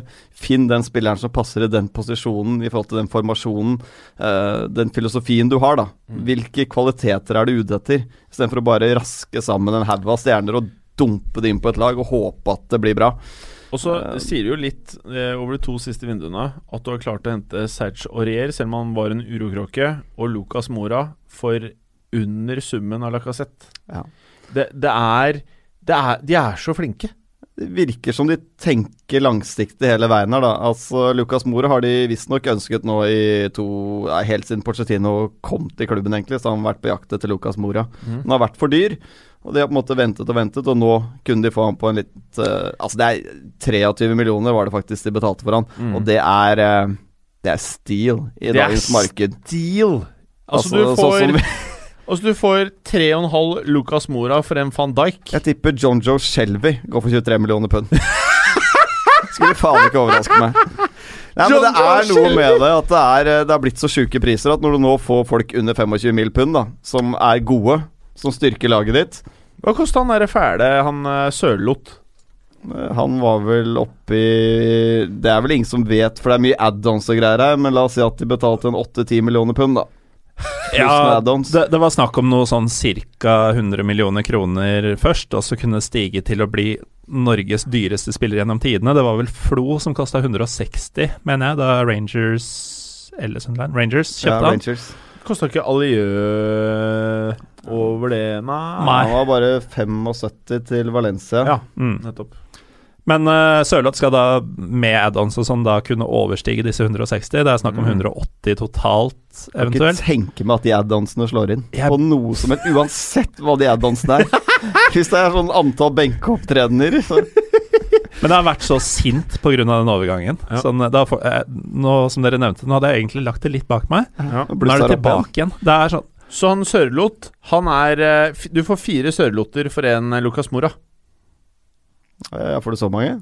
Ja, Nei, de det? Du burde egentlig fått 642 Er det ikke- er det ikke sørlatter sju- for en Lucas Mora. er det ikke sju du sa? Nei, 7, 14, Lucas Mora 23 millioner pund. Ja, okay, ja. Sørloth uh, Så du får tre sørlotter. Ja, ja. får, uh, to og en halv, kanskje en og en halv. To-ish. To ish? Mm. Ja. Er det ikke 7, 7, 14 da? Kosta ikke han derre Moran 23? 23, ja. 7, 7, 14, 7 til 21. 3? Ingen som har nevnt sju. Skjønner ikke det regnestykket ditt. med sju. Så sier du ikke at han koster 7. Nei, jeg tror han koster rundt 10, jeg, sånn Ja. totalt. Ja, du sa 7. Ja, jeg, Eh, men- hva vet jeg. Men uh, uansett, da. Uh, det er jo ganske sjukt det kjøpet Tottenham har fått til her. Altså, det er spennende å se hva de får, da. For Ja. det er jo ingen som har sett han spille fotball på ganske lang tid nå. Ja. Annet enn noen reservelagstrenere i PSG. og han kommer, jeg tipper eh, Mora er på det brasilianske landslaget. Kan være. Jeg tror det. Jeg, jeg tror eh, jeg, jeg er ganske sikker på at han kommer til å få bra med spilletid mot uh, slutten her. Uh, nå kommer han inn i et maskineri som begynner å funke ordentlig bra. Jeg syns Mm. Tottenham de Mm. siste 14 dagene har begynt De har egentlig ikke vært uh, på det nivået man egentlig kjenner de fra i fjor, da. Du, det Hele her er egentlig her. litt bra. Skal jeg fortelle deg hvorfor? Fordi min plan i neste års fantasyfotball, det er at han derre Delali, han er for dyr nå. Han eh, Hvis han kommer ned på sånn 7,5-8 mill. euro, der eh, Son er nå, så kommer jeg til å hamstre han fra starten av til neste år. Så derfor så er dette egentlig ganske greit. Skal du hamstre én fyr? Ja, han og kanskje Eriksen, da. For Kane må man jo ha. Ikke sant? Ikke i august, det kan du bare drite i. Men uh, Jeg skal prøve han i august neste år igjen, jeg, ass. Jeg jeg, det virker som en fint eh, tidspunkt for Tottenham å virkelig komme for. Jeg syns de var gode mot eh, Manchester United. Maktdemonstrasjon. Var de knallbra. Jeg syns også de var veldig gode mot Liverpool. Mm. Uh, I hvert fall annenomgangen på Anfield var Noen ville vel hevde at uh, de hadde dommeren kanskje noe med seg til tider, eller? Skal vi ta litt sånn, sånn kort om det der? Fordi dette fikk meg til å innse bare at jeg har vært imot VAR hele tiden. Ja. Video assistant refereeing. Eh, referee heter det kanskje. Og jeg er nå, etter den kampen der Det bare bekreftet det jeg har tenkt hele tiden. Nå sitter det toppdommere etter matchen og har forskjellige synspunkter på situasjonen. VAR ville ikke løst noe av det som skjedde på Anfield nå i helgen. For det er jo tolkninger av situasjoner. Jeg mener heller man burde ha to hoveddommere ute på banen der. Så kunne de hatt et felles greie. Jeg er så imot VAR, men det tror jeg Hva om de to er eh, uenige? Hæ? Hva om de to er uenige? Nei, men i håndball fungerer det. To dommere. Mm. Dømmer på hver sin banehalvdel. Du er tettere opp i alle situasjoner. Så er jeg, jeg digger jo at det blir diskusjoner etter kamper. Tenk deg så kjipt hvis vi ikke kan diskutere dommeravgjørelser og alle Mm. sånne ting etter kamper. Det tar bort så utrolig mye av det folk sitter og diskuterer i lunsjen på jobben. Den kranglingen. Det er det som er, skaper engasjement Mm. for fotballen. Hvis alt er helt korrekt hele tiden, og det beste laget vinner alltid, så blir det dritkjedelig. Så er det noe så enkelt som at uh, du vil jo aldri kunne ha VAR på alle arenaer, ikke sant. Sånn når du vokser opp med å spille fotball på guttelag og juniorlag og sånt nå, så er du jo vant til en viss flyt i spillet, et visst tempo. Uh, og når du da blir proff på et visst nivå, så endrer det seg fundamentalt. Du får masse avbrekk i spillet hvor du må stoppe opp og vente i noen minutter, og det, det gjør noe med deg, da. Nå merker jeg hvorfor du er med i podkasten. Det der var et godt poeng. Ja, men altså tenker jeg Det funker i andre idretter. For du har, det, du har det i amerikansk idrett, men der er det naturlig stopp i spillet hele tiden. Altså I hockey så er det stopp i spillet hvert 30. sekund uansett. Amerikansk fotball det samme, det er stopp i spillet hele tiden. Og det er møkk kjedelig. Ja ja, men det hadde uansett vært stopp i spillet. Om de da tar en liten sånn videokonferanse, whatever, mens du ser på reklame eller whatever, hva annet du driver med. Men dette her ødelegger den der morsomme diskusjonen. For jeg syns det er gøy å få Ja, ja. feilaktig straffespark imot, selv om det, er- altså, jeg syns ikke det er så gøy der og da. Men det, det, det, det blir en gøy. diskusjon av det, da. Det blir et engasjement.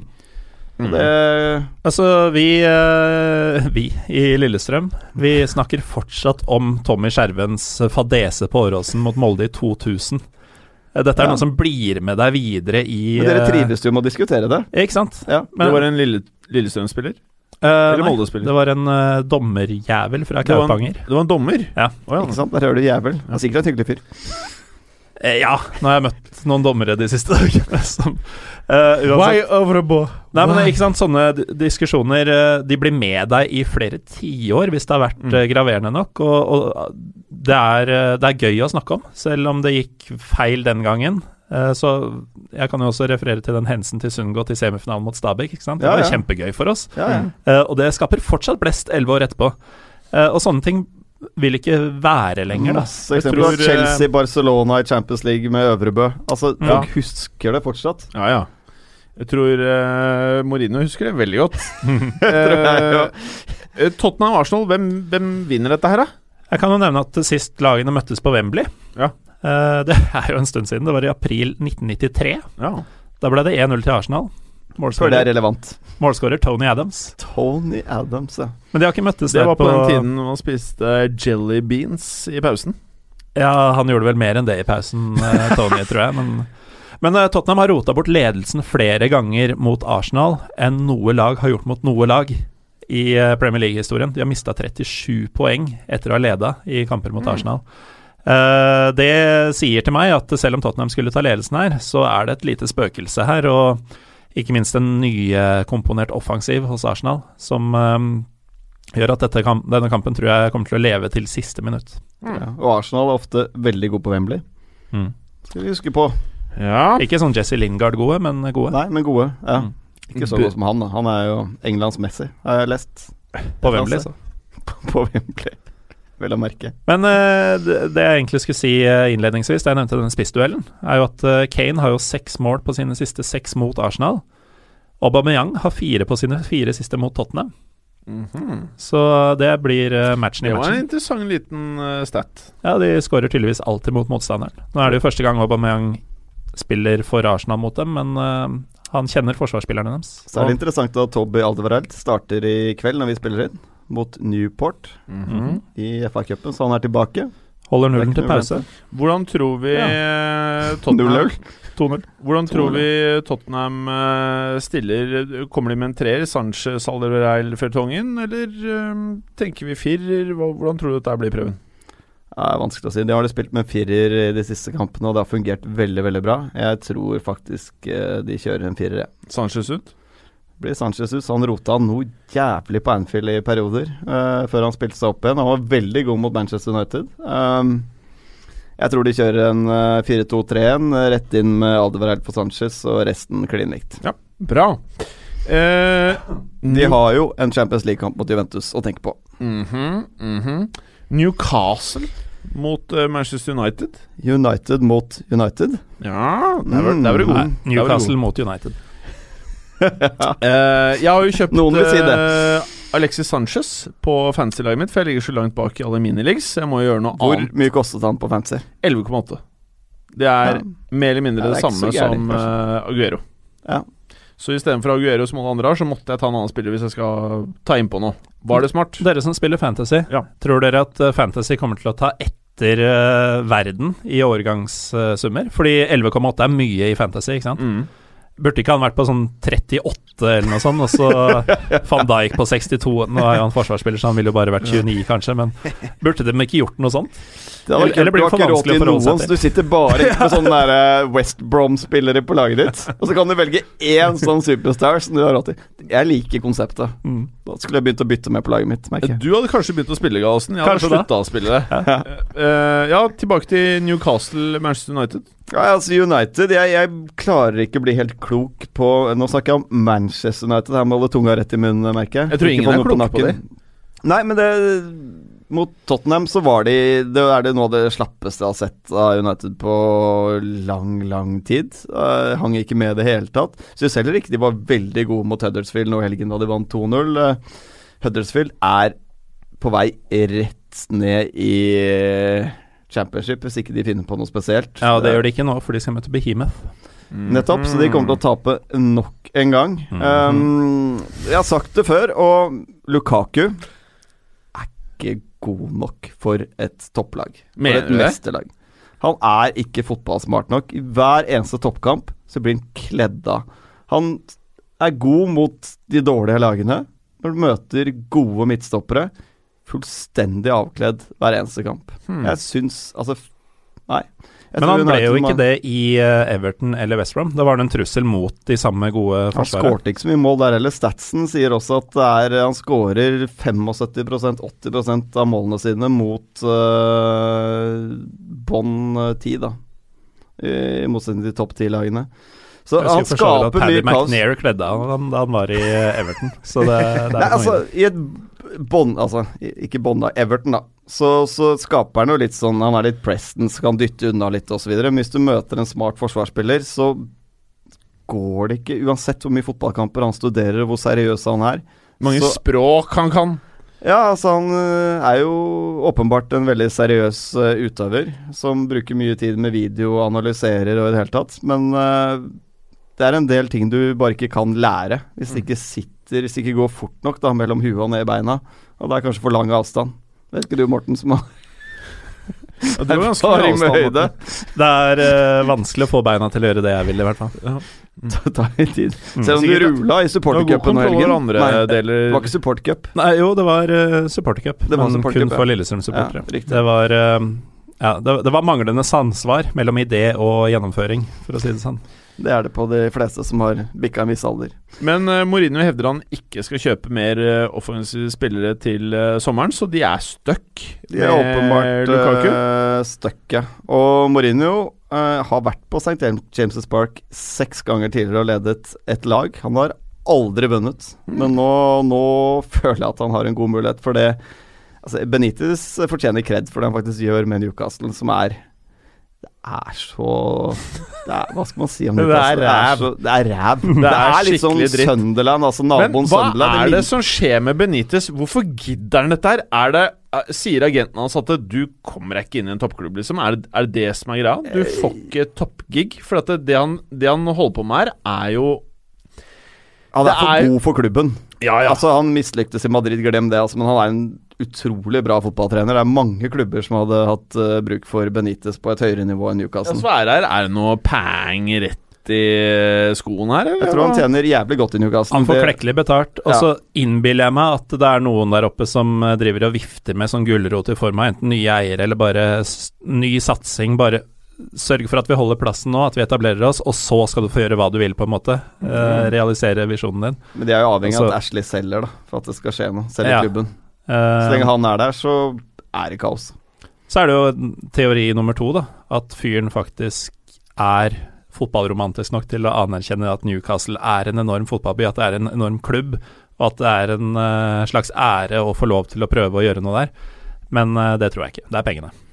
Jeg tror også det er mye cash involvert her som gjør at Benitez fortsatt er der. Jeg tror det er Dallas. Men, men eh, så United eh, De bare moser Newcastle? Ja, det tror jeg. De har tapt eh, to av de siste 28 mot Newcastle. Vunnet ni av siste 13 på St. James' Park. Newcastle, har ikke vunnet, Newcastle har ikke vunnet på de siste åtte hjemmekampene.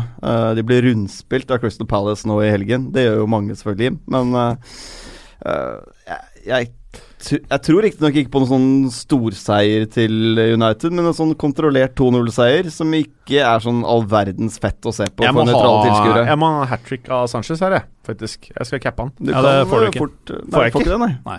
Nei. Hvorfor skal jeg cappe mente han da? Nei, annerledes? kanskje. Jeg vet ikke. Nei, det blir ikke United kommer ikke til å skåre tre pluss mål i denne kampen. Det jeg trenger fra deg nå, uh, Gallosen, Ja. det er å fortelle meg hvordan blir det når van Dijsk skal eh, møte Southampton? Jeg kan jo nevne noe pussig om eh, van Dijk i Liverpool. Han har jo i ligaen, siden han uh, meldte overgang, spilt to matcher og stått over to matcher i Premier League.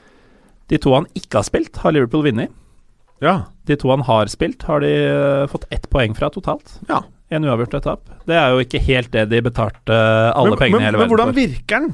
Hvordan er, funker han Er noe upgrade? Ja, og åpenbart så kan han jo selvfølgelig betraktes som det, men Han har jo eh, en helt annen pondus, føler jeg, enn de andre de har å velge mellom bak der. Jeg merka jo i den uh, En av de første matchene hans, jeg husker ikke om det var den første, så um, Så skåra han jo mål, og ble jo bejubla noe inn i granskauen av disse skauserne fra Norge på Twitter, blant annet. Uh, men eh, det, det er jo nesten litt rart at det går an å tippe på denne kampen, i og med at uh, jeg vil jo tro at Liverpool bestemmer hva farmelaget deres gjør. Sånn er det i hvert fall i andre idretter hvor man har et farmelag. Uh, Det føles jo faen meg som det er Ja. nettopp dette. og sånn sett så kan vi jo nevne at uh, den siste Southampton-spilleren som scora mot Liverpool, det var Sadio Mané. Det var det, ja. Det er to år siden. Ja. Eh, de har spilt tre baklengs mot Southampton Nei, tre matcher uten baklengs mot Southampton siden da. Ehm, så det Det er jo Liverpool mot uh, laget som bare utvikler spillere for dem, og um, når det gjelder Mané, så kan jeg nevne at han har jo seks mål på sine fem siste kamper på St. Mary's. De fleste av disse får Southampton, vel å merke, men det er en fyr som uh, har havna litt i bakevja, på en måte. Han har, gjør det jo fortsatt Han har jo en god sesong, det er ikke det, men det er ingen som snakker om han lenger. Uh, dette er kanskje en kamp hvor han kan stå fram igjen, fordi her trives han veldig godt. Her kan han vise Salah og de andre at det er jeg som er sjefen. Uh, når det gjelder statistikken til Klopp her, det er litt rart, fordi de har jo da møtt Southampton tre ganger på rad uten å slippe inn, som sagt. Men Klopp møter nå um, Southampton for niende gang i alle turneringer for uh, Liverpool. Han har bare vunnet to av dem. Mm. Det virker jo som de har sånn overkjøringsgreie her, men det har de absolutt ikke. Uh, jeg ser for meg at dette blir en, en jevn affære. Jeg tror ikke at Ikke at Liverpool løper av gårde med det, uh, selv om det er en det er, jeg syns den er vanskelig å spå, altså. Oh, ja. For det Southampton jeg, jeg, tror alltid at de skal være bedre enn de er. Mm.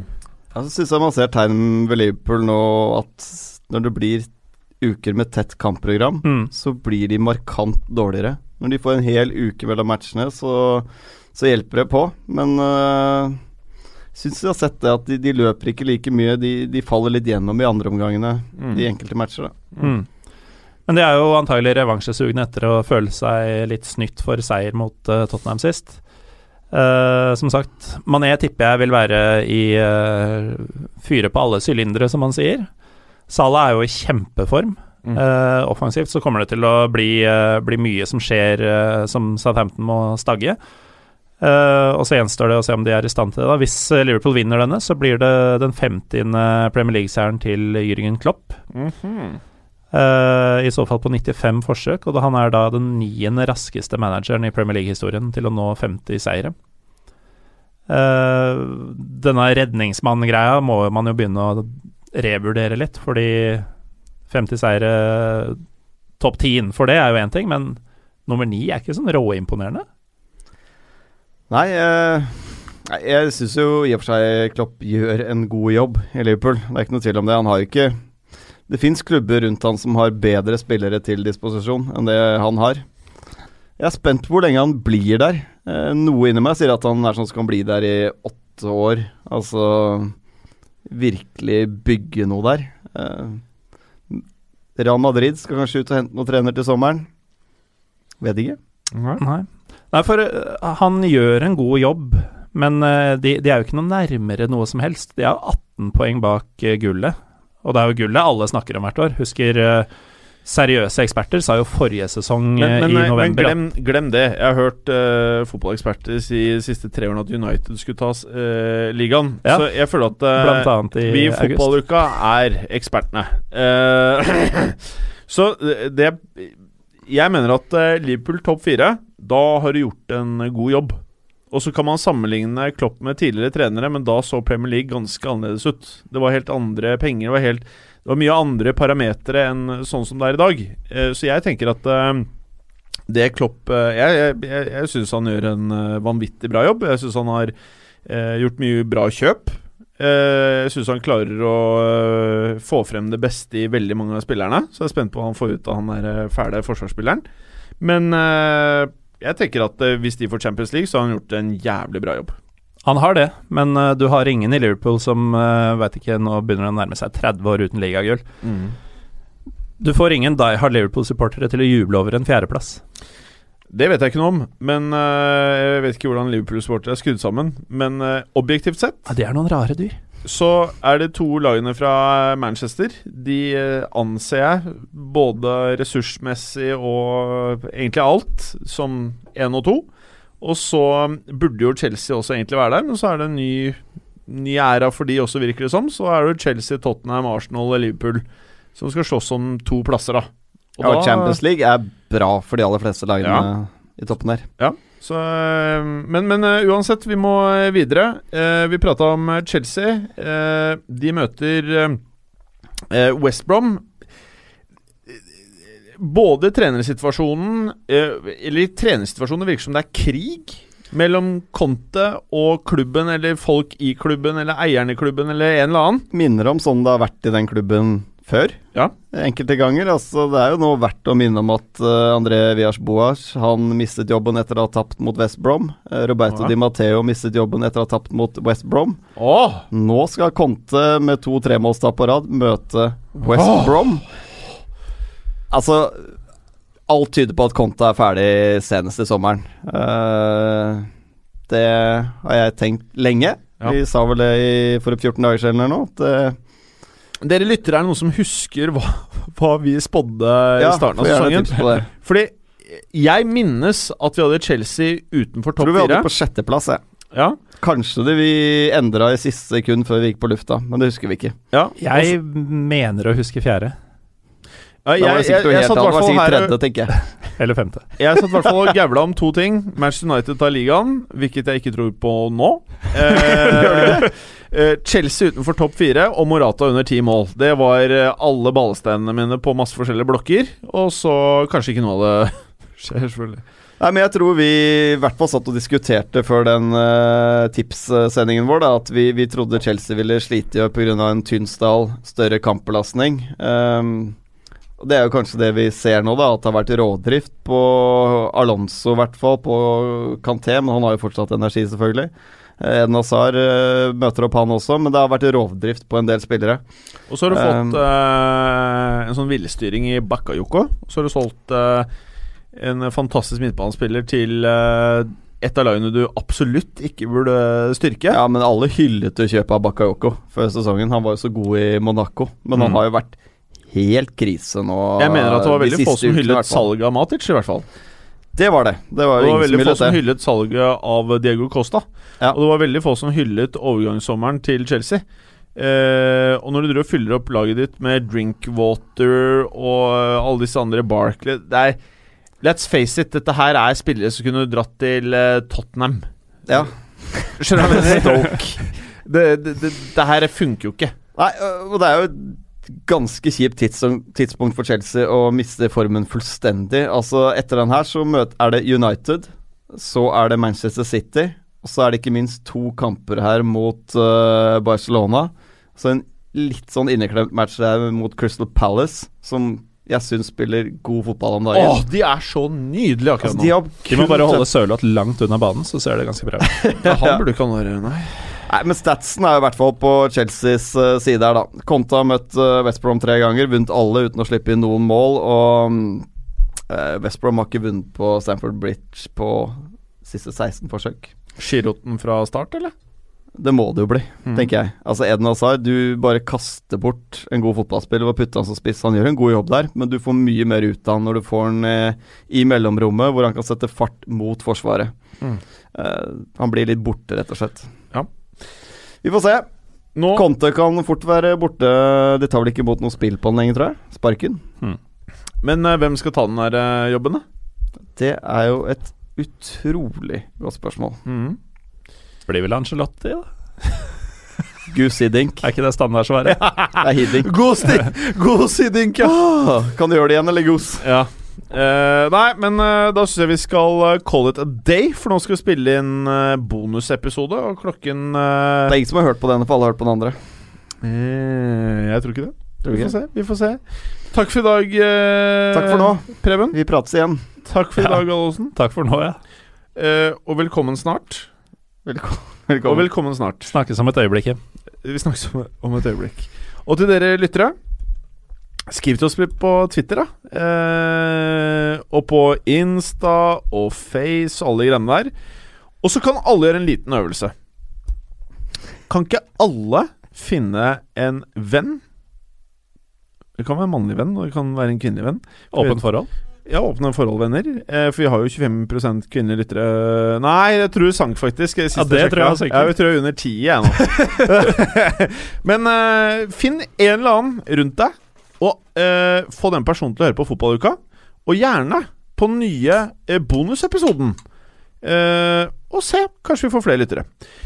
Takk skal du ha! Takk! Takk. Takk for at du hadde høre på. Vi er Fotballuka på Twitter, Facebook og Instagram. Følg oss gjerne. Se, se, Men bare få høre. Den tror jeg blir litt fet.